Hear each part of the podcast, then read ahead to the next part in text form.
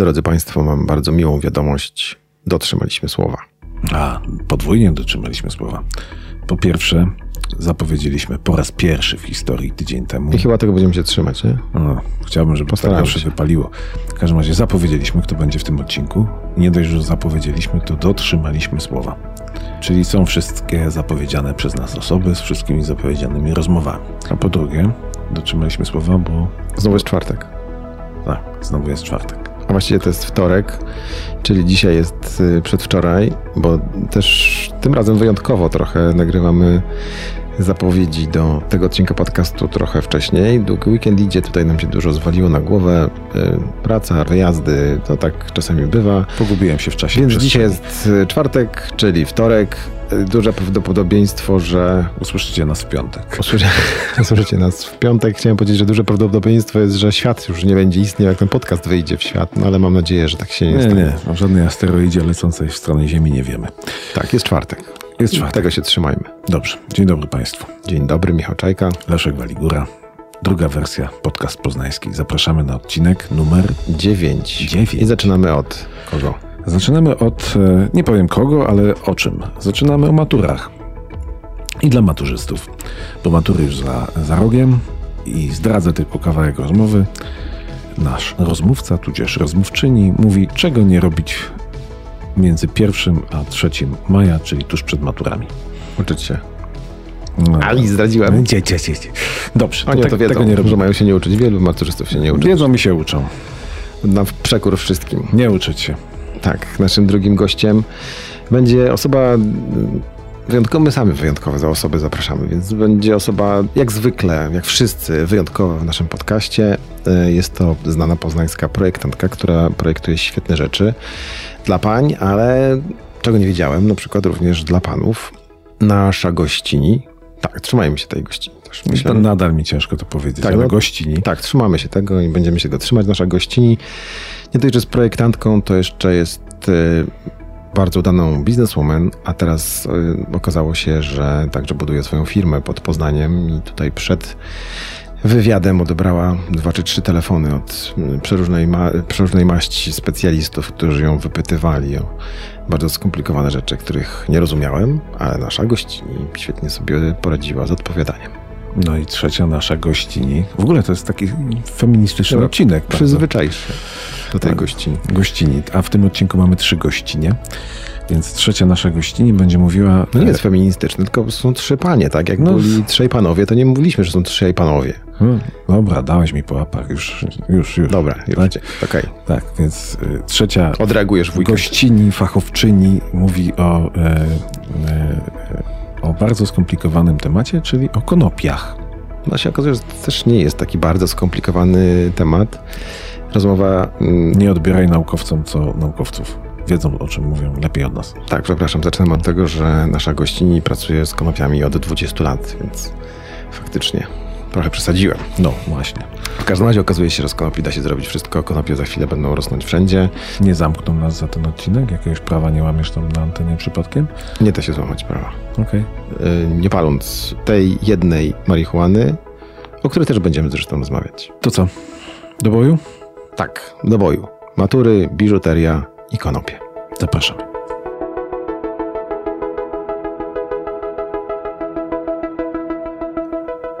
Nagranie i produkcja podcastu szumstudio.pl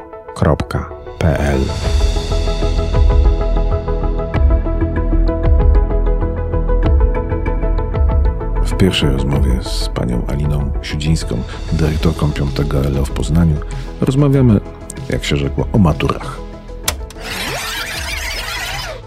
To co będzie na maturach w tym roku? Bardzo dobre pytanie. A pani wie? No myślę, że wiem. Zakres podstawy programowej. Aha, no dobra, to trochę szerokie. A w ogóle dyrektor szkoły może wiedzieć wcześniej, przed maturami, jakie będą pytania? Nie, nie, oczywiście, że nie. Bo ciągle słyszymy tylko o przeciekach maturalnych. Więc... Pewnie tak, natomiast y, my nie mamy wpływu na to, co jest na maturze. My uczymy podstawy programowej, a maturę no, właściwie standardowo no, buduje tak, cały, cały system maturalny Centralna Komisja Egzaminacyjna, która ma w swoich okręgach określone osoby zajmujące się dokładnie tym, czyli tworzeniem arkuszy i, i przygotowaniem tego wszystkiego, więc to jest poza dyrektorem szkoły absolutnie. Ale typować może. No, nie jest to takie nie łatwe. bawi się pani w typowanie? Nie. Ale gdyby pani miała... Już przyznam, że od wielu lat nie. A, szkoda. Bo zawsze to czy tamto. Znaczy generalnie powiem tak, myślę, że na języku polskim y, jest szansa jakaś tam, bo jest skoro No to- zamknięty katalog y, lektur, to zawsze młodzież mówiła, że albo wesele, albo chłopi, albo lalka, że zawsze się na coś trafi. Natomiast innych przedmiotów nie da się niestety trafić No, już widzę, poszczególne rzeczy. matematyki. No, tym bardziej z matematyki. Chociaż też y, mówią nauczyciele matematyki, że absolutnie rachunek prawdopodobieństwa jest zawsze, więc należy się go nauczyć. Cała matura jest rachunkiem prawdopodobieństwa. No, pewnie tak. E, Ja panią jeszcze za- zapytam o porady dla maturzystów. E, Jak się Jak dobrze najbardziej. przygotować na ostatniej prostej. Chociaż w ogóle, czy to możliwe, to się okaże. E, Natomiast co jest trudniejszą maturą? Która, z którego przedmiotu pani zdaniem albo w pani szkole matura jest najtrudniejsza dla uczniów? Ja myślę tak, że tak naprawdę matura jest łatwa dla tego, kto się uczy przedmiotu rozszerzonego i tego, który jest przygotowany do tego, żeby faktycznie po skończonej szkole robić to, co chce. Czyli ktoś z planem na przyszłość? Tak, dokładnie. Oni mają, ci młodzi ludzie mają wtedy determinację i wiedzą dokładnie, co chcą wybrać, i dla nich żaden temat nie będzie trudny. Z perspektywy nauczyciela, przez te wiele lat, y, a zajmuję się maturą no już od 16, to tak naprawdę mm, w kontekście oczywiście szkoły zajmuję się maturą, przygotowaniem, realizowaniem, mm, no, ustawianiem wszystkiego i przeprowadzaniem tego na co dzień, mm, to z perspektywy y, jakby szkoły no nie ma takiego przedmiotu, który byłby trudny, jeżeli się dobrze go nauczy, chociaż wszyscy- mój wszyscy przedmiot, tak mówią. mój przedmiot jest najtrudniejszy. A pani przedmiot to? Mój przedmiot to wiedza o społeczeństwie. To jest taki, taki przedmiot, który faktycznie wymaga dużej sprawności. No i dużej determinacji y, młodych ludzi do zdobywania wiedzy, bo jest to wiedza nie z jednego zakresu przedmiotowego, a z zakresu pięciu przedmiotów. Nie Więc powinien być obowiązkowy przypadkiem? y, myślę, że byłoby to całkiem dobre. Takie wychowanie obywatelskie daje ogromne możliwości funkcjonowania w świecie współczesnym. No i tak naprawdę otwiera nas świat, więc y, ci młodzi ludzie, którzy wychodzą, przynajmniej u mnie tak mnie się wydaje, jest, są po prostu bardziej świadomi tego, co się wokół dzieje. Więc WOS jest zdecydowanie, mimo że najtrudniejszym, o, przynajmniej moim zdaniem, to, to bardzo A przydatnym to tak z ciekawości, to ci, którzy zdają WOS, to później jakie są ich dalsze losy? A bardzo różnie. Trafiają w bardzo różne miejsca. Najczęściej kończą na studiach y, nie tylko politologicznych, bo oczywiście tutaj nasz UAM proponuje różnego rodzaju y, kierunki.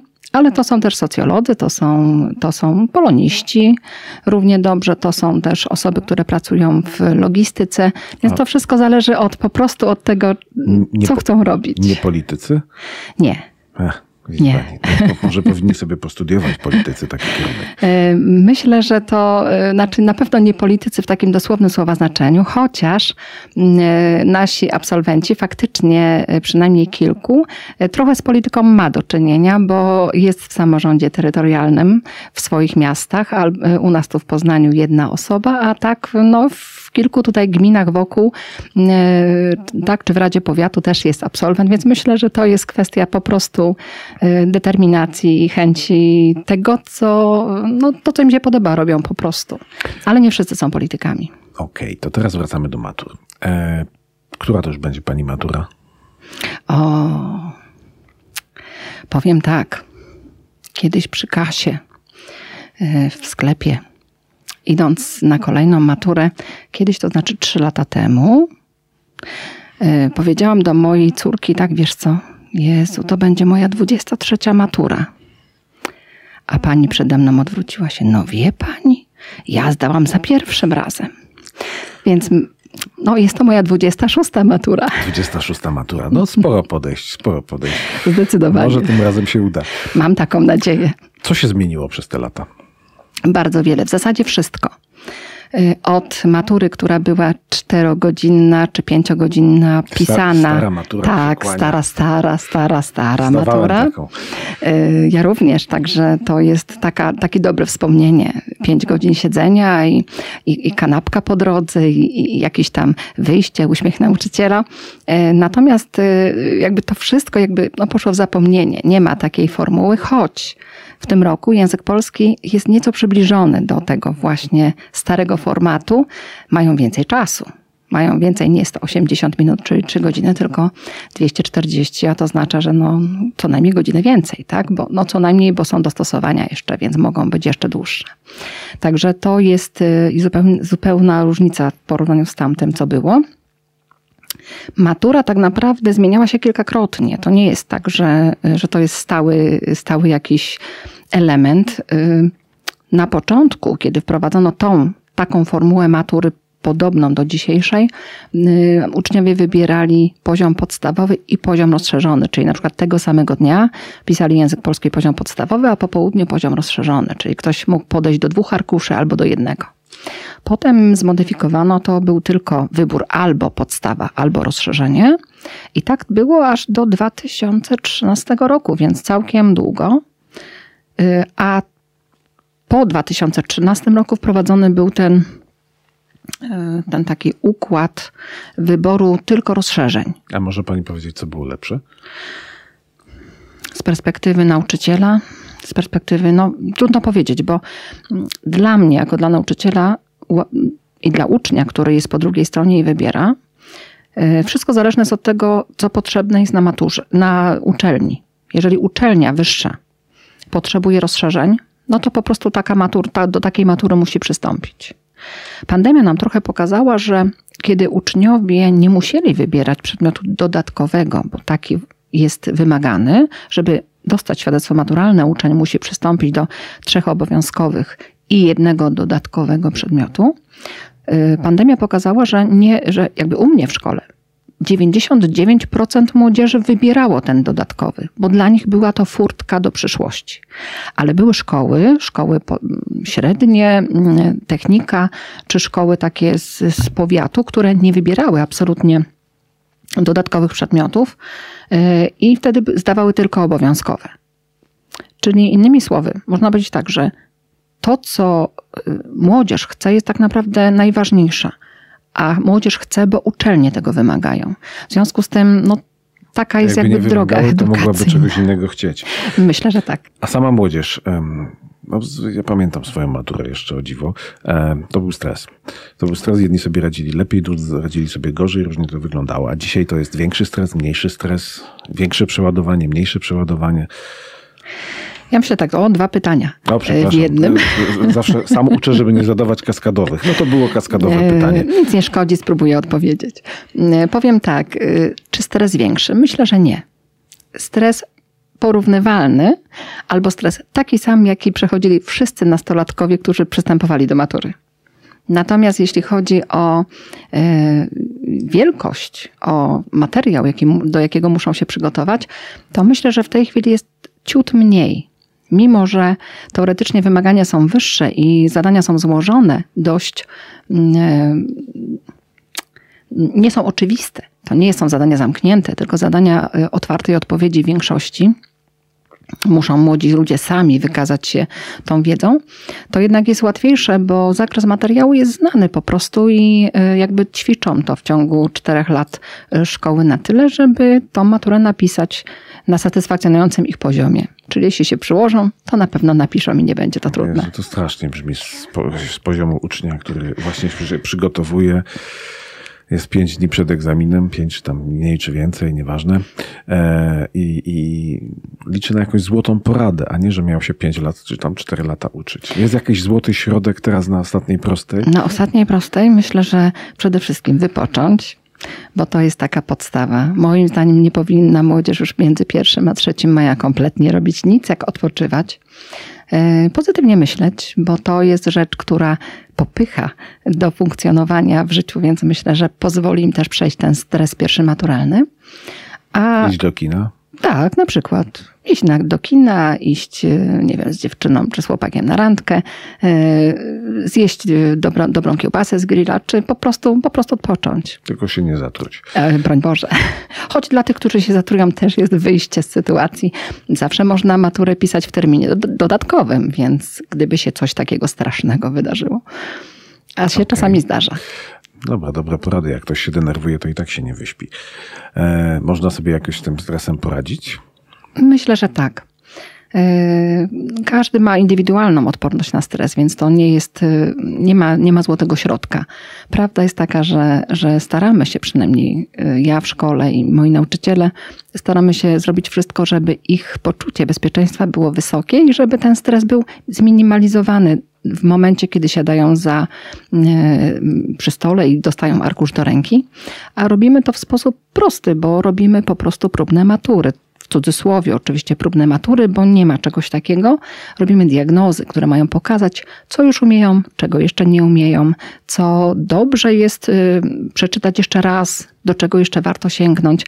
Także myślę, że tak od stycznia tak naprawdę codziennie są ci młodzi ludzie przygotowywani, więc myślę, że stres jest zminimalizowany.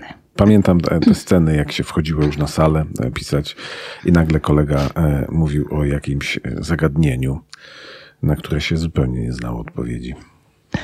Myślę, że, nie, że młodzi ludzie nie mają dzisiaj takiego problemu, y, znajomości jakiegoś konkretnego zagadnienia, bo mm, powtarzalność pewnych zagadnień na maturze jest od kilku lat y, znana. W związku z tym wiedzą, że będzie, no choćby z matematyki, rachunek prawdopodobieństwa, wiedzą, że będzie na WOSie pytanie z konstytucji, wiedzą, że będzie na historii pytanie o starożytny Rzym czy Grecję. Także mają po prostu świadomość tego, że no, przynajmniej z perspektywy uczniów y, piątego liceum, bo nie wiem jak, jak inna młodzież. Natomiast u nas rzeczywiście jest to taki moment, w którym, w którym no chyba wiedzą troszkę.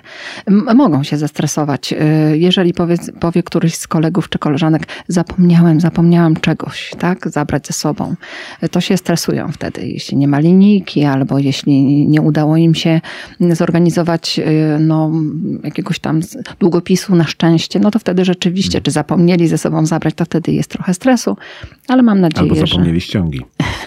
No, tego niestety nie są w stanie, mm, e, nie są w stanie chyba wnieść, bo wnoszą ze sobą tylko to, co jest niezbędne. Mm. Mówi pani, że nie wnoszą ściąg? Generalnie jest zakaz wnoszenia w ogóle urządzeń telekomunikacyjnych, w związku z tym te wszystkie są odbierane przed wejściem. Na salę mogą wejść tylko z e, przyborami piśmienniczymi, e, przynajmniej u mnie na sali jest, e, są jakby te rzeczy, które niezbędne są woda, czy właśnie chusteczki, których muszą korzystać, są na miejscu, więc... Tak, tradycyjne ściągi te takie zwijane, to już wyparowały? No nie widziałam ostatnimi czasy, a, żeby było na, zaj- na maturach, w czasie matur cokolwiek. Miałem pytać, czy zdarza się, że ktoś jest przyłapany na ściąganiu? Nie.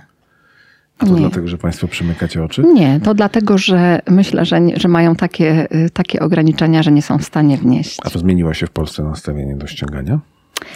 To, czy to, w Stanach to kto ściąga, to jest oszustem. Myślę, że no, tak powinien być postrzegany taki, taki młody człowiek. A biorąc pod uwagę to, że pojawiają się nowe technologie, biorąc pod uwagę, że już nam młodzież dostarcza e, pisane prace przez e, komputer, no nie jest to niewykluczone. Tak? Natomiast ja nie dostrzegłam prób, przynajmniej u nas my wiele lat uświadamiamy młodzież, że czegoś nie wolno. Zabezpieczamy się jak umiemy. Szkoła ma, daje kalkulatory na maturę jakby szkolne, nie mogą wnieść swoich, żeby nie było po prostu takich, takich możliwości ściągania, bo tłumaczymy, że jest to, no, no nie jest to fair i nie jest ja, to moralne i nie jest to, jest to złamaniem w gruncie rzeczy prawa. Więc... Ja miałem ściągi przygotowane, ale szczerze mówiąc wstyd mi było później przed kolegami, że ich nie mogłem użyć, ani nie użyłem, ani nie potrzebowałem. Matura była prostsza niż próbna. I myślę, że I tutaj tak pozdrawiam będzie. moich nauczycieli. I myślę, że tak będzie, że matura będzie prostsza niż, niż ta, która była na próbnej, bo zawsze ta próbna matura trochę ma wyższy poziom, żeby no żeby pokazać, co się wie, a czego się nie wie, a w praktyce, a w praktyce te zadania są nie takie straszne w maju. E, czytam e, wpisy w mediach społecznościowych nauczycieli, którzy grzmią na te matury tegoroczne. E, I to są naprawdę takie od bardzo merytorycznych wpisów, które mówią, że, że ta matura nie uczy niczego, albo że sam system oceniania jest zły, e, po takie, że ci nauczyciele nie są docenieni. Jeden z bardziej znanych nauczycieli pisze, że matura zamienia e, uczniów w słupki. Czy pani też ma takie wrażenie, czy, czy nie podziela pani tego? No, bardzo trudne pytanie. To znaczy powiem tak. No zdecydowanie nauczyciele są niezadowoleni z, takiej, y, z takiego y, wynagradzania, jakie jest, no bo no takie mamy realne y, podstawy, tak? Jest taka, a nie inna baza finansowa, w związku z tym no, trudno się dziwić, że płaca za konkretny arkusz jest określona, choć wzrosła rzeczywiście w stosunku do lat ubiegłych.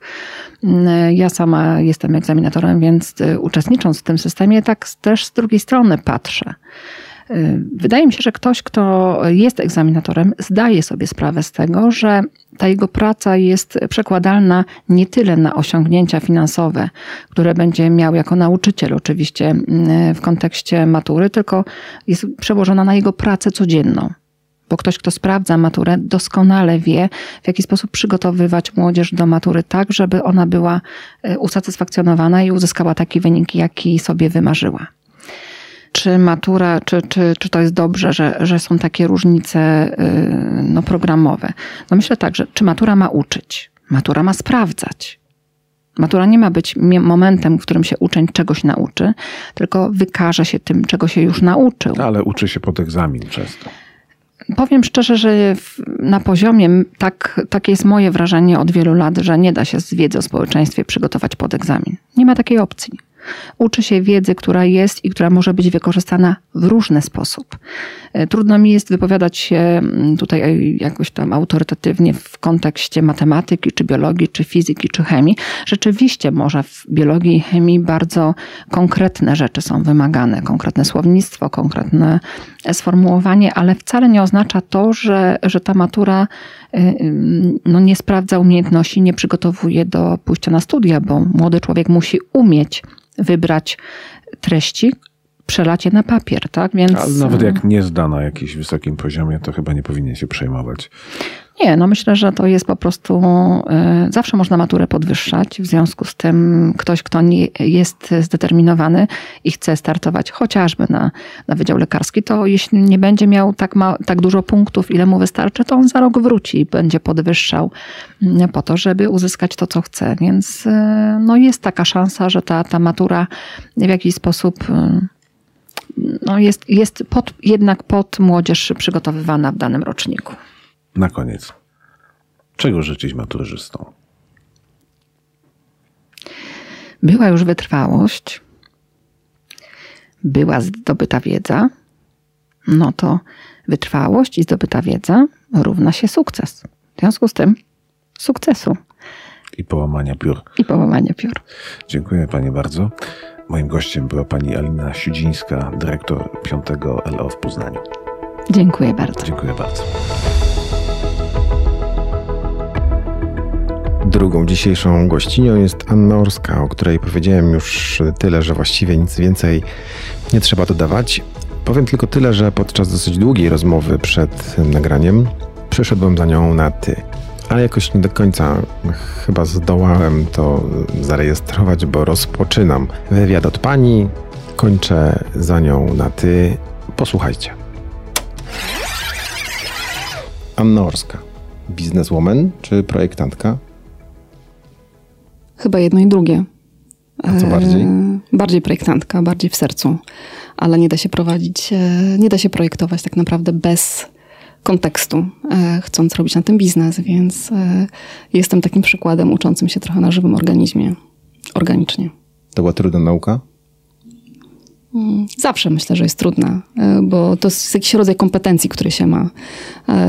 Ja, tak jak wspomniałam, bardziej chyba się czuję e, jednak projektantką, natomiast mm, chcąc nie musieć projektować do szuflady, trzeba, trzeba to zawsze zderzyć z rzeczywistością i tak naprawdę z odbiorcą, więc jest to taka droga rozumienia też rynku, który bardzo się zmienia na przestrzeni tych ostatnich lat bardzo się zmienił, odkąd ja pamiętam. Kiedyś przeczytałem w takim mądrym poradniku biznesowym, takie było mądre zdanie, które utkwiło mi w pamięci, że jeżeli chcesz być fotografem, to ostatnią rzeczą, którą powinieneś zrobić, to zakładanie firmy fotograficznej, bo przestajesz być fotografem, zaczynasz być po prostu biznesmenem.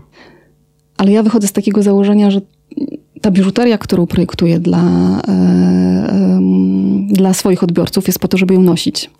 Więc e, bardzo istotne jest dla mnie to, żeby mieć kontakt e, z klientem i żeby tak naprawdę z, próbować e, odpowiadać na, też na różnego rodzaju potrzeby.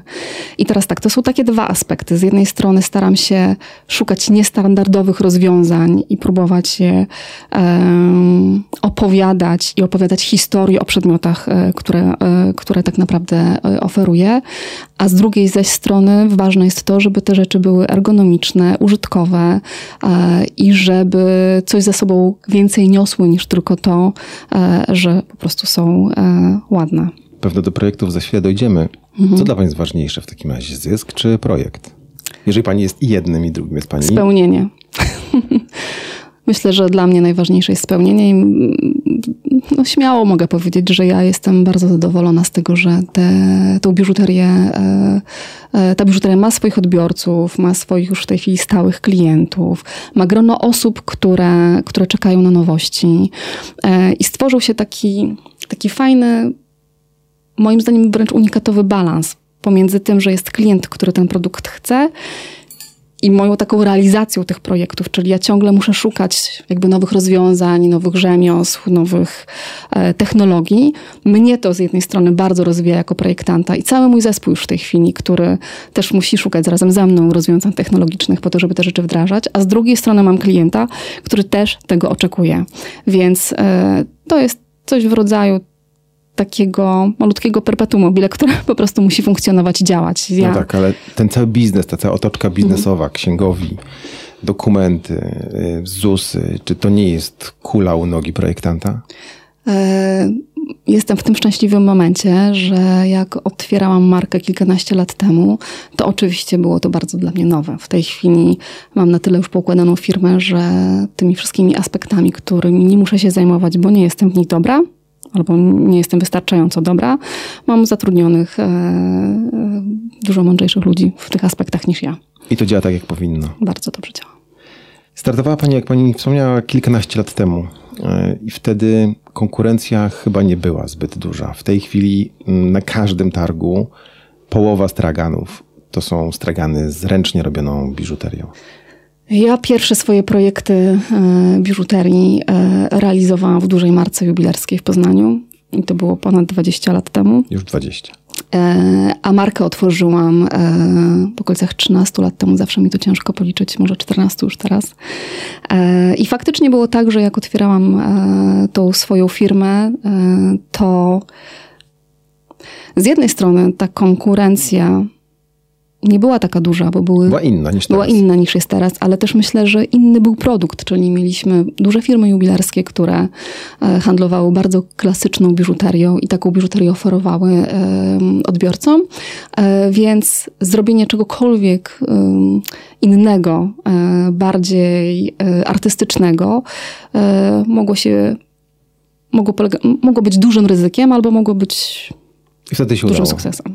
Wtedy się zaczęłam temu przyglądać, bo okazało się, że, że rynek jest chłonny. Takich rzeczy jest bardzo też ciekawy, nowości i myślę, że był gotowy na to. A wtedy tak, teraz jest inaczej?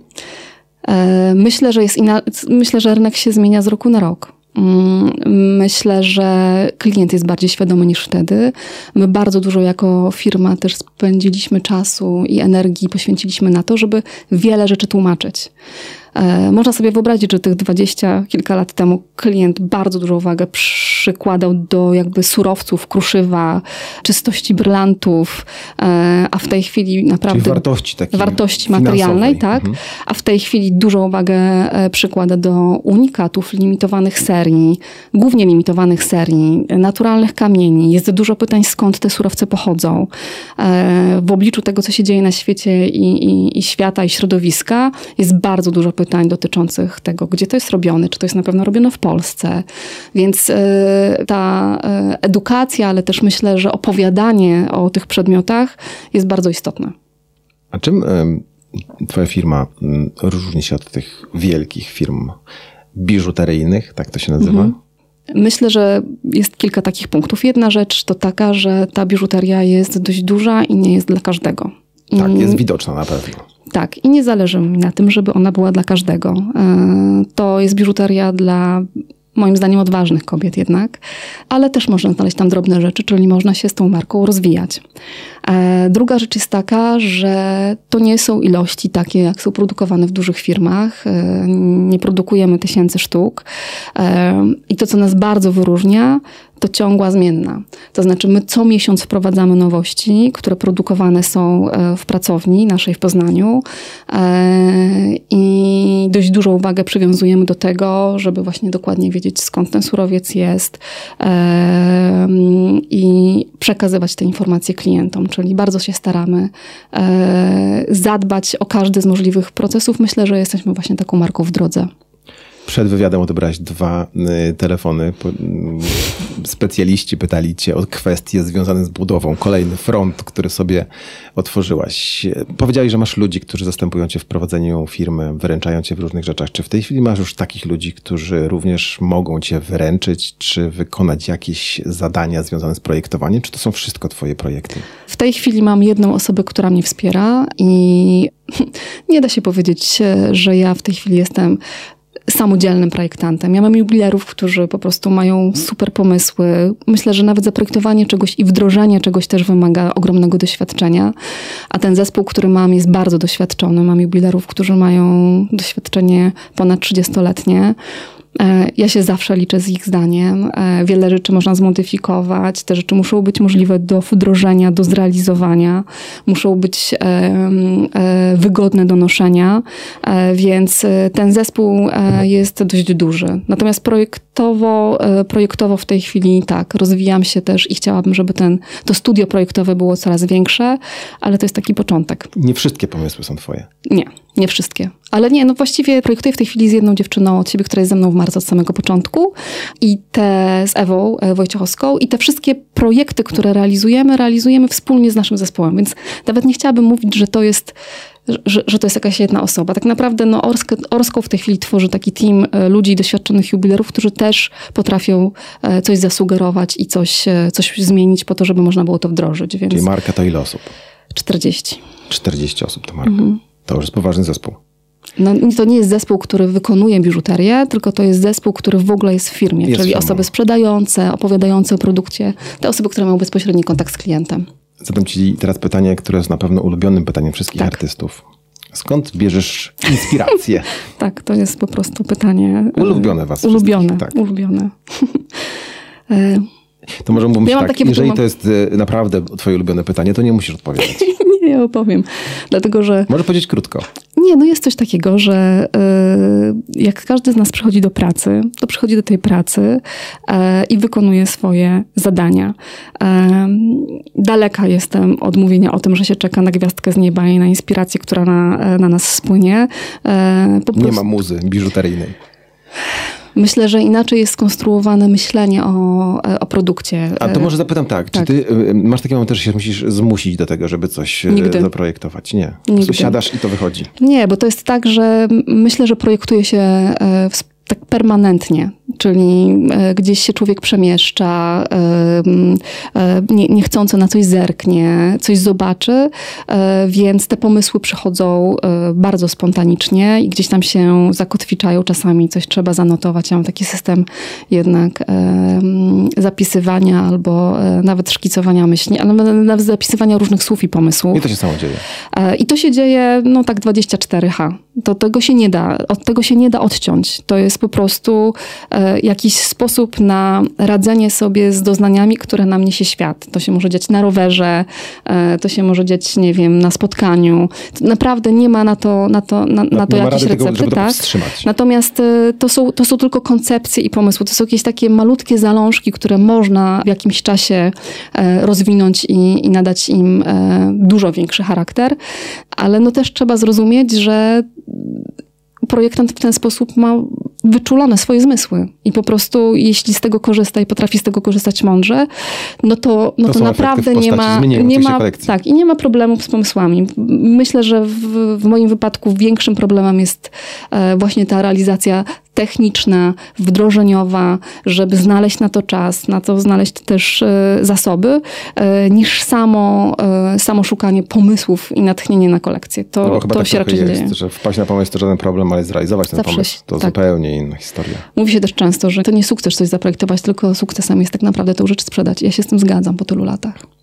A twoje wyprawy po świecie, jak pomagają? Oj, one pomagają mi bardzo mocno. Myślę, że pomagają mi mm, z jednej strony poczuć jakąś tam siłę, dlatego że ja się nigdy nie starałam o pracę, a tam muszę To się, fajne. a tam się muszę starać o pracę. e, Muszę e, siebie przekonać, e, muszę przekonać innych do siebie i myślę, że to jest fantastyczne. Tak, bo po prostu przyjeżdża jakaś kobieta i co, czegoś od Nie wiadomo skąd chce. i Tak. coś chce. E, Udaje, że wszystko wie. Nawet nie udaje? nie, ja, ja, ja się tam uczę. Ja, tam przychod- ja tam przyjeżdżam z, z poziomu naprawdę takiej osoby, która bardzo by się chciała czegoś nauczyć. Ale z drugiej ze strony myślę, że e, poza tym, że się uczę rzemiosł i szukam takich e, dziwnych, e, niestandardowych miejsc, to też jest ogromna e, później e, w moim wypadku e, siła, z którą ja wracam. To jest coś, co mi bardzo pomaga. Też wypoczynek? Tak myślałam podczas pierwszej wyprawy, że będzie. Mm. Nie jest to wypoczynek. Nie jest. To jest To po prostu, praca. to jest praca. Mhm. Czy Anna Orska w tej chwili projektuje co innego niż biżuterię? Projektuję biżuterię, mam w marce też e, akcesoria w postaci torebek, które zostały stworzone ze, z, ze skór odpadów e, roślinnych, e, więc e, marka się A rozwija. tak dla siebie? Dla znajomych? Czy dla znajomych? Rzeźby? My, e, znaczy w marce pojawia się bardzo dużo różnorodnych rzeczy. E, I tu nie ma miejsca już na So- są. zabawę. Jest dużo zabawy, z której wychodzi dużo wdrożeń. E, Bez próbowania, eksperymentowania naprawdę ciężko cokolwiek zrobić, moim zdaniem, nowego, innowacyjnego. Wiele rzeczy też, ponieważ my w marce bardzo dużo rzeczy robimy sami. I e, począwszy od sesji zdjęciowych, wideo, ekspozytorów na biżuterię. Naprawdę jesteśmy taką samowystarczalną jednostką. Świetny zespół ludzi, bo studio fotograficzne, e, które też właśnie mm, dba o te wszystkie martwe natury, które można oglądać w social mediach, no to jest już jakiś organizm, który się, Dobrze funkcjonujący, który dobrze funkcjonuje i musi, i musi działać dla odbiorcy, być widoczny i pokazywać ten produkt w taki sposób, żeby, żeby się chciało do nas przyjść i nas odwiedzić w butikach. Miałeś nieudane projekty? Jasne. W ogóle bez tego to myślę, że tutaj się niewiele da zrobić. A Pewnie, co że dla tak. ciebie jest nieudanym projektem? Czasami jest tak, że jest pomysł i po prostu on wizualnie mm, nie spełnia oczekiwań. Wydawało się, że coś będzie dobrze wyglądać, a nie wygląda wcale dobrze. E, Czasami ta rzecz jest za ciężka albo mm, nie da się jej wdrożyć. Teraz jesteśmy właśnie w trakcie realizacji jednej z kolekcji, która pojawi się latem i też były obawy, że nie da się jej po prostu wdrożyć i że ten odlew nie wyjdzie, bo jest zbyt skomplikowany. E, Od piątku wiemy, że jednak się uda. Więc to jest cała masa niewiadomych. Myślę, że to jest tak, e, no to nie jest przedmiot, który się produkuje jakby jedna rzecz, którą się doskonali, tylko są ciągle nowe pomysły, które wymagają nowych rozwiązań i e, ta głowa musi ciągle pracować i sobie odpowiadać na pytanie, czy na pewno to wyjdzie.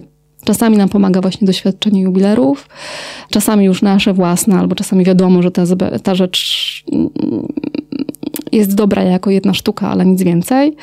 Trzeba brać też pod uwagę to, ponieważ e, ja się staram bardzo dobrze ludziom płacić, e, na tyle dobrze, żeby, e, żeby byli zmotywowani, chciało im się po prostu z marką rozwijać. I to powoduje, że te przedmioty też muszą być w taki sposób zaprojektowane, żeby były realne do kupienia. Najdroższą rzeczą jest czas. A zdarzają się sytuacje, w których wydawało wam się, że to jest coś absolutnie hitowego, a produkt w ogóle się nie chce sprzedawać? Pewnie tak. Teraz nie jestem w stanie sięgnąć w głowie. Albo, że nam, że, że, bo to nie jest tak, że te produkty się nie sprzedają. Myślę, że już doświadczenie nasze e, potrafi nam podpowiedzieć, e, ale też potrafimy zaryzykować.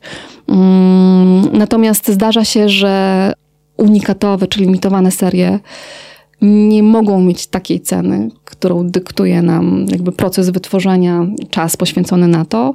I przy takich wzorach yy, stawiamy, się, stawiamy na to, że to jest wizerunkowa rzecz i robimy to tak naprawdę po to, żeby, yy, żeby pokazać zupełnie od innej strony markę, po prostu tej bardziej artystycznej. Projektowanie i, i tworzenie różnych rzeczy to jest taki projekt, który trudno zakończyć. Ten moment, w którym mówisz, OK, to już jest gotowe Mhm. To jest chyba bardzo trudnym momentem. Tak, ale ja już, Ty podejmujesz ja, już mam, ja, ja, ja, wiem, że muszę to zrobić po prostu. To, to, to by nie miało końca zupełnie. Nie? Ten projekt akurat, który zrobiliśmy w przypadku torebek z, z organicznych skór, e, myślę, że mógłby trwać jeszcze kolejnych x lat. Projekt, to był projekt, który trwał dwa lata takiej bardzo wytężonej pracy. E, no, gdybyśmy nie mieli punktu zero, to byśmy to pewnie dalej robili, więc A to nie o tym. punkt zero w postaci tego wdrożenia. dnia decydujemy? Aha. Tak, wdrożenia po prostu tych, tych projektów. Tego dnia po prostu to musi trafić tak. na rynek. No, to był ten moment, myślę, że trzeba te pracę. decyzje po prostu podejmować i e, robić tak zwane ostre cięcia, bo potem w kolejce czekają kolejne projekty, którym się trzeba poświęcić, poświęcić im energię, czas e, i też mieć e, taką chwilę wytchnienia, żeby się też tych rzeczy nauczyć. W wielu wypadkach trzeba tych surowców się uczyć. W 20 sekund opowiedz, jak wygląda projekt od pomysłu mhm. do wyprodukowania. To wygląda w ten sposób, że najpierw powstaje koncepcja i ja mam ją w głowie muszę ją przelać e, na papier, stworzyć chociaż kilka elementów, które spowodują, że ta rzecz jest realna do wykonania. W wielu e, wypadkach to wygląda tak, że do kolekcji dochodzi na przykład surowiec. Ten surowiec jest bardzo czasami trudny, bo mamy w swojej ofercie produkty zrobione z bardzo abstrakcyjnych materiałów, takich jak chociażby e, sieci wyławiane z Bałtyku, które zostały zmielone, przetworzone, sprasowane e, razem z Fundacją Marej. To jest oddzielny to jest zupełnie oddzielna koncepcja, którą trzeba włożyć dopiero w, w produkt. Albo mamy też surowce, które, które mm, e, są e, e, zrecyklingowane z takich obudów od komputerów, które się nie rozkładają w środowisku. Rozkładają się tysiąc lat, czyli nie rozkładają się. I one też są z opiołkami metali. To jest oddzielny projekt. Nie da się tego w taki jednolity sposób w jakimś takim schemacie usystematyzować, że jest projekt, bo czasami jest projekt, koncepcja, surowiec, surowiec nie wychodzi, kolejny surowiec, potem y, szukamy, nie wiem, na przykład szlifierni, która coś szlifuje. Teraz mamy taki projekt, który wydawałoby się, że będzie prosty, ale musimy znaleźć rozwiązania też techniczne wyszlifowanie czegoś. Potem jest wdrożenie tego, potem jest wybór wzorów, które powstały. Nie wszystkie wzory wchodzą do sprzedaży. Y, coś jest za długie, za ciężkie, albo y, albo zbyt podobne do czegoś, co już powstało w tej kolekcji, więc też trzeba e, niestety ze smutkiem coś odłożyć. A potem się pojawia e, proces wdrożenia tego do sprzedaży, czyli opowiedzenia o kolekcji, cała historia marketingowa, e, wszystkie pakszoty, lookbooki, czyli jakiej proporcji ten produkt jest na człowieku, na kobiecie, na mężczyźnie. Potem są sesje wizerunkowe, wszystkie opowieści, kontakty z mediami, e, bardzo często wideo. W przypadku akurat kolekcji, które przywożę ze świata, czasami to są filmy dokumentalne, tak jak teraz był akurat kolekcja, która powstała w Hucie Julia ostatnich chociaż szkła kryształowego, więc nie jest to jakiś taki jednolity schemat, według którego można opowiedzieć, jak wygląda proces wdrożenia za każdym razem. Troszkę się różni. Miało być 20 sekund. No i nie zdążyłam. A są dwa lata. Czy ty nosisz tylko swoją biżuterię? W tej chwili tak. Bardzo często rzeczy, które nie wyszły, albo rzeczy, które trzeba przetestować, e, sprawdzić, czy, czy dobrze się zachowują. W tej chwili tak. Albo coś, co przywiozłam z podróży, ale koniec końców i tak noszę swoją. A jak z projektami dla mężczyzn? Mamy kolekcję zrobioną dla mężczyzn, e, która została wdrożona w zeszłym roku. E, coraz większe jest zainteresowanie i mnie to cieszy, ale my zawsze ale mieliśmy dużo kupuje? mężczyzn. Panie kupują czy panowie kupują? Panowie. Mamy bardzo dużo panów, które kupują też dla swoich kobiet. A kobiety dla panów kupują? Też, ale myślę, że myślę, że, że naprawdę mężczyźni są tak świadomi w tej chwili, w, jeśli chodzi o, o moją markę. Poza tym, że kupują dla siebie, to doskonale wiedzą, co kobieta ma. Ja uwielbiam ten moment, kiedy jest grudzień i pojawiają się prezenty świąteczne e, i mężczyźni przychodzą właśnie z jakimiś żółtymi karteczkami, z wypisanymi rzeczami, albo po prostu doskonale, bez żadnego pytania, Poproszę bez żadnego nakieru, wiedzą, co powinni kupić, więc to jest świetne. Ty tak opowiadasz, jakbyś sprzedawała te swoje produkty w sklepach. Czy cię można spotkać? Można mnie spotkać w grudniu, ale to jest bardzo krępujące dla mnie. Nie, lubię kontakty z klientami i lubię je przede wszystkim w tych momentach, kiedy mam premiery kolekcji. To jest super. Natomiast e, dziewczyny sprzedające w butikach są dużo lepsze niż ja, więc gorąco je polecam. Bardzo Ci dziękuję za rozmowę. Pewno moglibyśmy tak jeszcze długo, długo rozmawiać. Jak ja słyszę. również dziękuję. Moim gościem była Anna Orska, poznańska projektantka biżuterii. Dziękuję. Dziękuję bardzo. A na koniec Michał Czajka rozmawia z panią Katarzyną Wielgusz z Instytutu Włókien Naturalnych i Roślin Zielarskich o jednej roślinie, e, za to w dwóch postaciach, przemysłowej i medycznej, czyli o konopiach. Czy w pani konopie wzbudzają emocje? Szczerze? Nie do końca, ponieważ jest to roślina, którą zajmuję się od wielu lat, można właściwie powiedzieć, że kilkudziesięciu, bo ponad dwudziestu. Dlatego jest to dla mnie roślina emocjonująca jako obiekt badań, ale nie jako mm, obiekt e, emocjonujący ze względu na jakieś e, właściwości. Na listka, który teraz tak, widać już wszędzie. Oczywiście. To, nie, to mnie nie emocjonuje. Kształt listka widzę na co dzień. Zapach czuję też. Na krzaczkach. Na krzaczkach, tak. Suszone różne, na rysunkach. Są dwa rodzaje konopi. Konopie przemysłowe i konopie medyczne. A może jest ich więcej? Może ja wyjaśnię. Generalnie jeżeli chodzi e, od strony botanicznej, mamy jeden gatunek. Jest to cannabis sativa, konopie siewne. Natomiast e, co niektórzy wyróżniają tutaj różne podgatunki, e, czy tak, tak zwane subspecies, e, subspecies ruderalis, czyli to są takie konopie ruderalne, takie dzikie, małe roślinki, które możemy spotkać w dziwnych miejscach, samosiejki. Cannabis sativa, czyli te, które są siewne uprawne, które rzeczywiście uprawiają rolnicy na przykład na włókno i cannabis indica, czyli te, które mają wysoką zawartość substancji halucynogennych, THC, CBD również. Pewnie będziemy o tym później chwilę rozmawiać.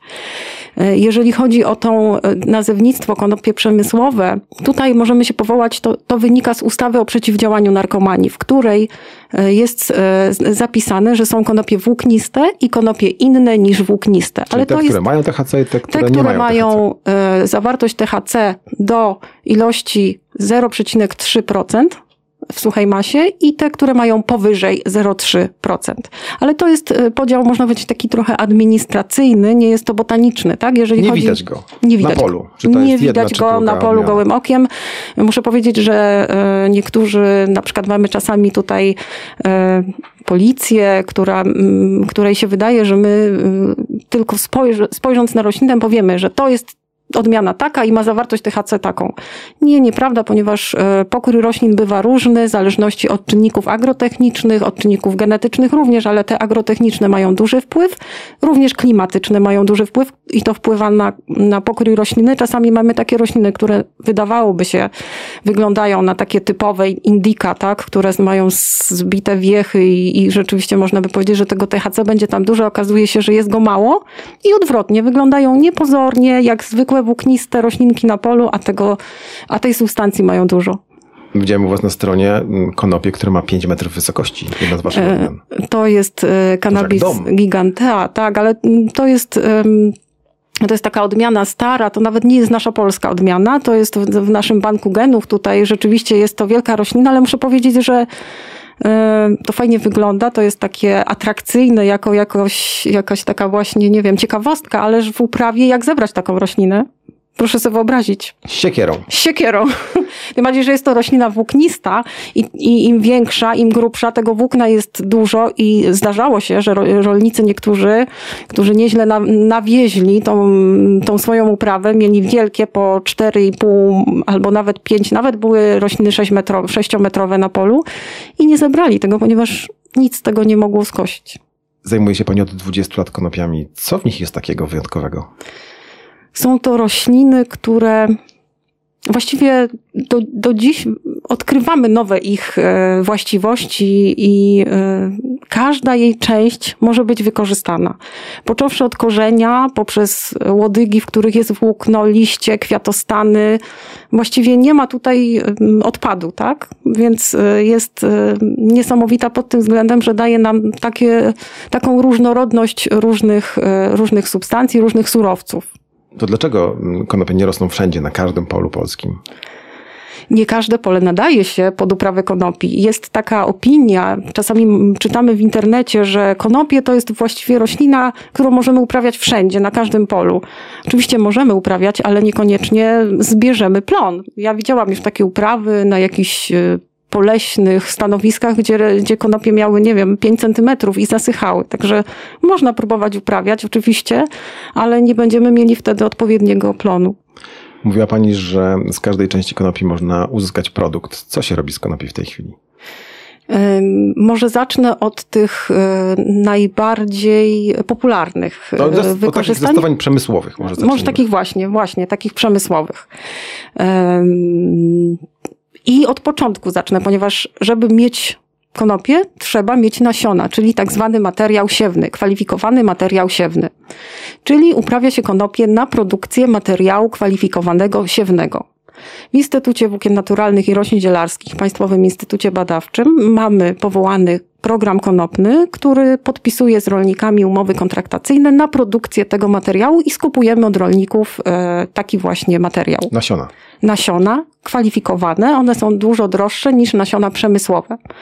E, kwalifikowane, czyli przeznaczone do hodowli? Do siewu. Do, do siewu. siewu na następny rok siejemy i z nich mamy kolejne plantacje.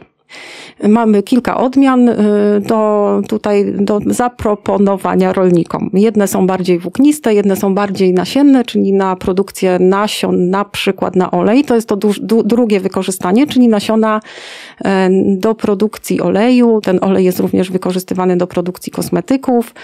E, w przemyśle spożywczym mamy, właściwie teraz to ta gałąź się rozwija bardzo, ponieważ e, takich produktów konopnych, spożywczych możemy spotkać coraz więcej. Są czekolady, są paluszki, są y, pasztety, nie wiem czego nie ma, bo A rzeczywiście... Po co, po co dodają to producenci, te produkty konopne do... Myślę, że chodzi tutaj o to, y, że... Oprócz marketingu oczywiście. Oczywiście, marketing to jest pierwsze, ponieważ dużo osób się zainteresuje, bo to są nasiona konopi, ale po drugie te nasiona są bardzo cenne, mają zawartość kwasów tłuszczowych, y, bardzo odpowiednią dla naszego, potrzebnego dla, potrzebną dla naszego organizmu, zawartość kwasów tłuszczowych, nie nas, wielonie nasyconych. Omega-3 i omega-6. Tak? Tutaj jest ta odpowiednia, odpowiedni stosunek tego omega-3 do omega-6, taki jak organizm ludzki najbardziej potrzebuje. To jeżeli mówimy o marihuanie tej spożywczej, i olejkach, które są, to są dwa rodzaje tych olejków i pewno większość z nas je myli. Myślę, że większość z Państwa myli, ponieważ e, z konopi, tak jak powiedziałam, można pozyskać wiele substancji, wiele różnych surowców. I jeżeli chodzi właśnie o słowo olejki, bardzo często e, słyszę, że, że ktoś pyta mnie o olejek konopny.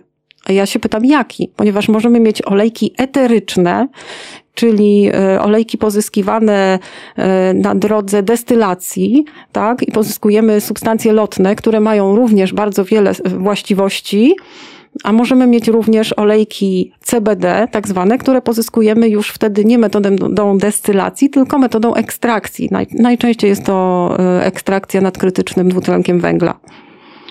Są to zupełnie dwie różne substancje, tak? Różniące się skutecznością? E, różniące się działaniem, tak, oczywiście, bo jeżeli chodzi o olejki eteryczne, tam jest bardzo wiele terpenów na przykład, tak, również e, wykorzystywanych na przykład w ochronie roślin ponieważ mają e, właściwości e, e, fungistatyczne, czyli mogą jakieś choroby grzybowe hamować w rozwoju roślin. Natomiast olejki CBD, kanabidoidy, no to są te substancje, które wykorzystujemy w leczeniu chorób człowieka. Czyli trzeba patrzeć na opakowanie. Oczywiście, że tak. No to mamy nasiona. Co dalej? Jeżeli chodzi o pędy, tak, łodygin, czyli typowa roślina włóknista, pozyskujemy włókno. Włókno konopne coraz bardziej popularne, coraz bardziej poszukiwane, nie tylko do produkcji włókna technicznego, czyli y, tutaj sznurki, produkowane są namioty, prezenty, takie grube tkaniny. tkaniny, ale grube, takie ostre, ale również y, takie tkaniny delikatne. Coraz częściej poszukiwane jest włókno delikatne, tak zwane włókno długie, z którego y, można pozyskać dzianiny bardzo delikatne. No właśnie dziś czytałem, że konopie czy tkaniny konopne mogą zastąpić tkaniny bawełniane. Myślę, że mogą, ale, ale, w tym momencie proces produkcji tych tkanin bawełnianych jest dużo tańszy. Tak? Proces pozyskiwania włókna długiego z konopi jest na pewno dłuższy i nieco droższy, ale jeżeli. No, kwestia skali pewno też. Myślę, że tak. Myślę, że tak. Ale jeżeli chodzi właśnie o tą bawełnę, to my już bardziej tego rynku nie powiększymy, jak tutaj kiedyś rozmawiałam z prezesem e, Izby Bawełny, bo jest taki w Polsce, mówił, że właśnie ten rynek już większy nie będzie. Nie, to już. E, Czyli możecie wyrwać najwyżej. Możemy kawałek wyrwać. Ma, możemy kawałek wyrwać. Na pewno e, właściwości tego włókna konopnego są bardzo dobre dla naszego organizmu. A zastosowanie w budownictwie? E, oczywiście, jak najbardziej. Tutaj na razie powiedziałam o tym włóknie, ale e, konopie są również wykorzystywane w budownictwie. Coraz częściej widzimy firmy, które do nas e, piszą, które do nas się zgłaszają i chcą tutaj produkować domy z konopi. Domy z konopi, tak. To właściwie możemy powiedzieć, że pozyskujemy włókno i z tego, co zostaje, z tych paździerzy, z tej, z tej masy która zostanie ze słomy po e, uzyskaniu włókna, mamy ten materiał, który możemy wykorzystać właśnie do, e, do produkcji Czego, takich... Cegieł? Tak, to są takie, takie, takie kompozyty. One są mieszane z masą taką betonową również, ale one są dużo bardziej e, energooszczędne, e, zimą, przyjazne człowiekowi. Przyjazne człowiekowi, no i oczywiście ekologiczne, tak? Że, że... Czy są w Polsce już domy z konopi? Taki dom można zobaczyć u nas w Instytucie, stoi pokazowy taki dom. Obecnie koło Stęszewa jest w budowie duży dom konopny, niedaleko Poznania. Ma zapach? Nie ma zapachu, nie ma zapachu. Są też piękne płyty podłogowe wyglądające jak, e, jak parkiet, też e, właśnie z, z wykorzystaniem tych paździerzy konopnych. Wyglądają pięknie. E, poza tym bardzo ważna tutaj dziedzina gospodarki to są właśnie te biokompozyty takie mm, ekologiczne, które mam nadzieję, że w przyszłości zastąpią plastik tak? No właśnie, słyszałem, że dziś koncerny motoryzacyjne zaczynają zastępować włókno szklane kompozytami. Tak, ponieważ jest bardzo wytrzymałe to włókno nasze i, i, i koncerny wykorzystują.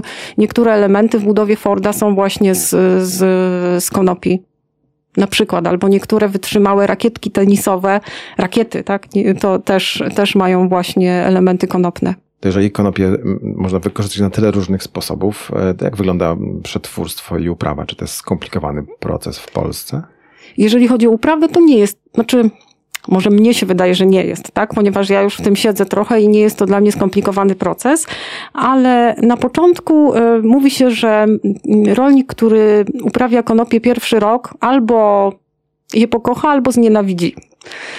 Y, ponieważ często. A więcej jest tych pierwszych czy tych drugich? Myślę, że pół na pół.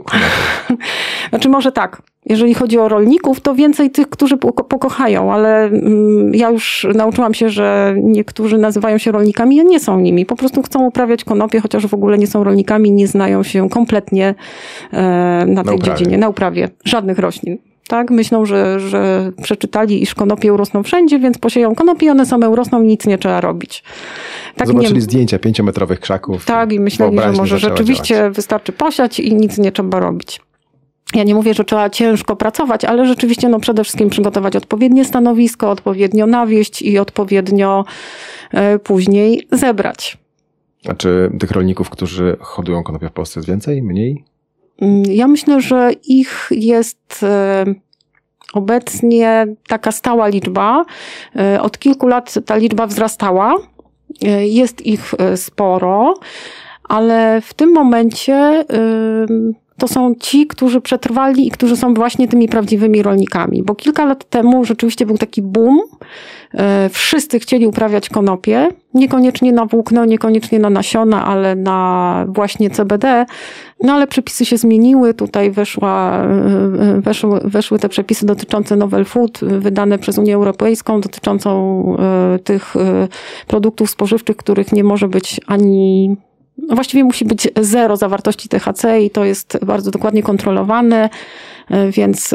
Boom się skończył. Boom się skończył, e, mniej się pewnie opłaca im e, produkować na kosmetyki, bo również mogą być wykorzystywane do tego te włókniste, a myślę, że wtedy ten biznes jest mniej opłacalny nieco. Czy w tej chwili są obostrzenia dotyczące hodowli czy uprawy konopi? Uprawy. Hmm. Powiem tak, jest dużo łatwiej od niedawna, właściwie od roku, niż, niż wcześniej, ponieważ zmieniły się przepisy i e, obecnie rolnik, osoba, która chce uprawiać, właściwie rolnik, bo musi mieć e, zaświadczenie, że jest producentem rolnym, e, wchodzi na stronę KOWRU, Krajowy Ośrodek Wsparcia Rolnictwa i tam wyszukuje taką ankietę, wniosek o zgodę na uprawę konopi. Musi podać adres, musi podać numer działki, oczywiście musi podać skąd ma materiał siewny, musi y, podać y, dane etykiety, bo każdy taki materiał siewny ma etykietę. Musi podać y, numer faktury, mm, ilość, no bo potem może być skontrolowany. Może czy będzie? Może. Może. Może nie musi, ale raczej będzie. Instytut współpracuje y, właściwie z całym światem. Państwo wymieniacie korespondencję, rozmawiacie przez telefon. Y, czym świat się interesuje, jeżeli chodzi o, o to, co robi Instytut? Współpracujemy rzeczywiście z wieloma jednostkami naukowymi, bo tutaj można tą współpracę podzielić na, na dwie części. Jedna dotyczy współpracy naukowej, czyli badań naukowych z różnymi ośrodkami naukowymi, ponieważ y, bierzemy udział, jesteśmy członkami wielu projektów unijnych gdzie, gdzie właśnie biorą udział jednostki naukowe właściwie z całego świata. Trudno mi powiedzieć z jakiego kraju, nie? Tutaj i z Unii Europejskiej, ale spoza Unii też, bo również ze Stanami, z Indiami. E, a druga część dotyczy właśnie tych e, takich spraw biznesowych, e, chociażby właśnie tego materiału siewnego, który wysyłamy na wszystkie kontynenty, nawet do Australii. Na początku badania dotyczyły właśnie możliwości uprawy tych naszych odmian na tych, w tych miejscach, na tych kontynentach, bo wiadomo, że tutaj długość dnia, długość nocy, e, temperatury to są bardzo ważne czynniki w uprawie tej rośliny, więc były badania.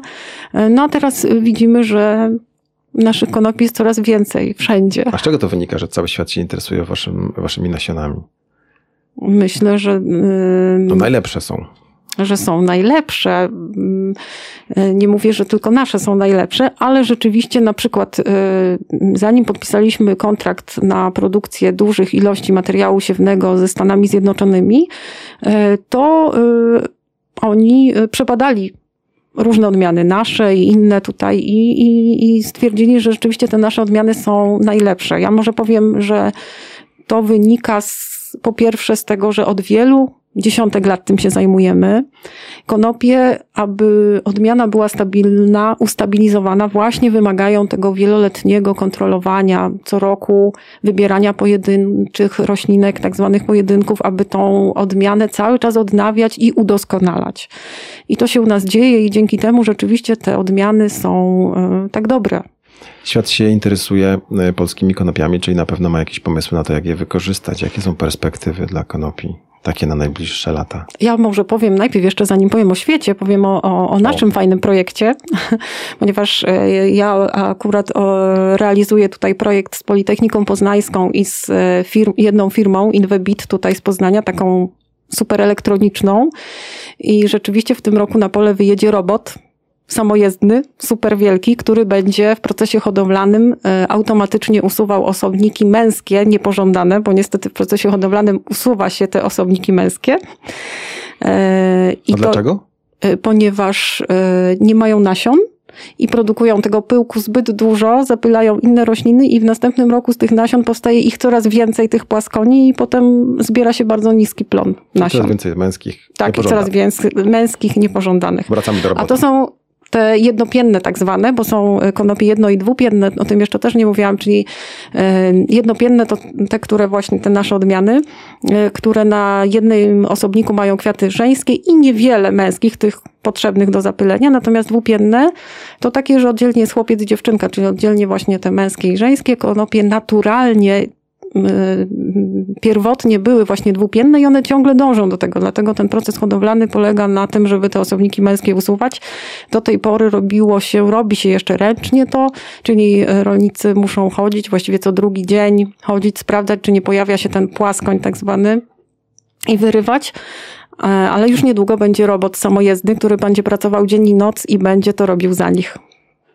No nie wiem, czy zazdrościć rolnikom, czy współczuć, że będą mieć robota na polu. No nie wiem, wydaje mi się, że to już jest takie rolnictwo znak precyzyjne, znak czasów. Tak, będą mogli uprawiać większe areały, tak, bo do tej pory y, to właśnie ile osób w danym gospodarstwie mogło czas poświęcić na wyrywanie tych płaskoni świadczyło o tym, jaki areał oni mogli zasiać, tak. Jeżeli, I to jest ten moment, kiedy, kiedy na polskich polach może się troszeczkę, się więcej? Konopi? Mam nadzieję, mam nadzieję. To wracajmy do, do, do, świata i zastosowań na świecie. Tak, jeżeli chodzi o zastosowania światowe, no to teraz rzeczywiście ta biogospodarka jest taka bardzo e, pożądana, e, popularna, można powiedzieć tak, wykorzystywanie konopi tutaj e, do produkcji biopaliwa. W budownictwie również coraz częściej są konopie wykorzystywane na świecie. Jako spożywcze również właściwie wszystkie te kierunki są rozwijane i mówi się również jako roślina e, tutaj odnawiająca tereny takie zdegradowane, tak? To też jest no bardzo ważne. No właśnie w podobno jest, e, są mm. duże połacie. Mm, ponieważ konopie rzeczywiście one może stąd się to wzięło, że one urosną wszędzie. Ale trzeba wziąć pod uwagę, że te pierwsze lata, kiedy te konopie są tam siane, to one po prostu są, zostają na tym polu. Są zaorane i stanowią jak gdyby odbudowę tej masy organicznej na tym polu, bo, bo rzeczywiście nie są one tam wielkie, ale rzeczywiście konopie, jak i len, należą do grupy roślin, które mają wysoką zdolność pochłaniania substancji takich jak na przykład metale ciężkie z gleby, tak? Czyli można oczyścić nimi glebę. No ale trzeba się zastanowić, co wtedy z nimi zrobić, bo te metale ciężkie nie giną, one zostają w tej roślinie, tak? Zapytam teraz w takim razie o e, marihuanę medyczną, bo od czterech lat e, w polskich aptekach można kupić e, marihuanę medyczną na receptę, a Instytut będzie jednym, chyba pierwszym jedynym producentem w najbliższym czasie tej marihuany medycznej w Polsce. Może powiem tak. Od niedawna zmiany w ustawie o przeciwdziałaniu narkomanii dotyczą zapisów y, konopi innych niż włókniste. Jest tam zapis, że Instytut podległy Ministerstwu Rolnictwa i Rozwoju Wsi może produkować konopie inne niż włókniste na cele medyczne. Takich instytutów w Polsce jest więcej niż nasz, bo jest ich chyba obecnie 13. Teoretycznie każdy z nich może się tym zająć. Ale praktycznie? Praktycznie myślę, że nasz instytut ma największe doświadczenie i będzie nam najłatwiej to robić. Marihuana medyczna w tej chwili jest dosyć ciężko dostępna e, w aptekach na oficjalnym rynku. Czy możemy powiedzieć, kiedy do Polska trafi, do aptek? Bardzo mi przykro, że nie mogę Państwa poinformować, ponieważ jest to tajemnica handlowa, ale powiem tyle, że będzie. Będzie. Do będzie, na pewno będzie. Tego się trzymamy.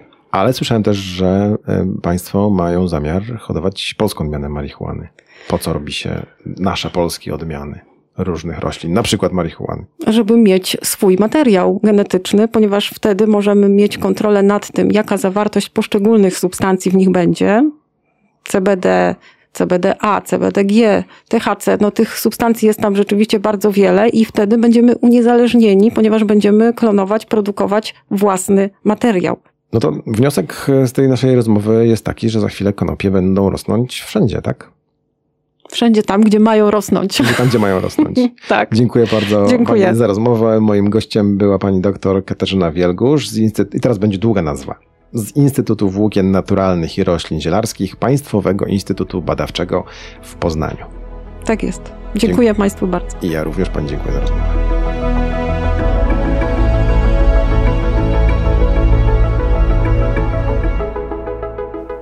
W zeszłym tygodniu zapowiedzieliśmy co w tym, to w tym zapowiemy co za tydzień. Świetnie się sprawdziło to. Sprawdziło się. to ja zapowiadam taki sposób, że za tydzień będziemy rozmawiać o jedzeniu, winie i śpiewie. To ja powiem trochę więcej. Będziemy mówić o jedzeniu, czyli o bardzo popularnym programie telewizyjnym. Wino to wino, to wszyscy wiemy. A śpiew to cisza, czyli dlaczego w Poznaniu jest tak cicho, nic się nie dzieje, jest nudno i w ogóle. Katastrofa. Jak w czeskim filmie. Nie, w polskim filmie to było tak nuda, nic się nie dzieje. Ale przynajmniej jest o czym gadać. To co? Czwartego spotykamy się w czwartek. Zapowiadamy, że znowu czwartek będzie. Będzie czwartek, widzimy się, słyszymy się na najpopularniejszych i najlepszych platformach podcastowych, a widzimy się na Facebooku. Bawcie się dobrze w długi weekend. Do usłyszenia. Do usłyszenia.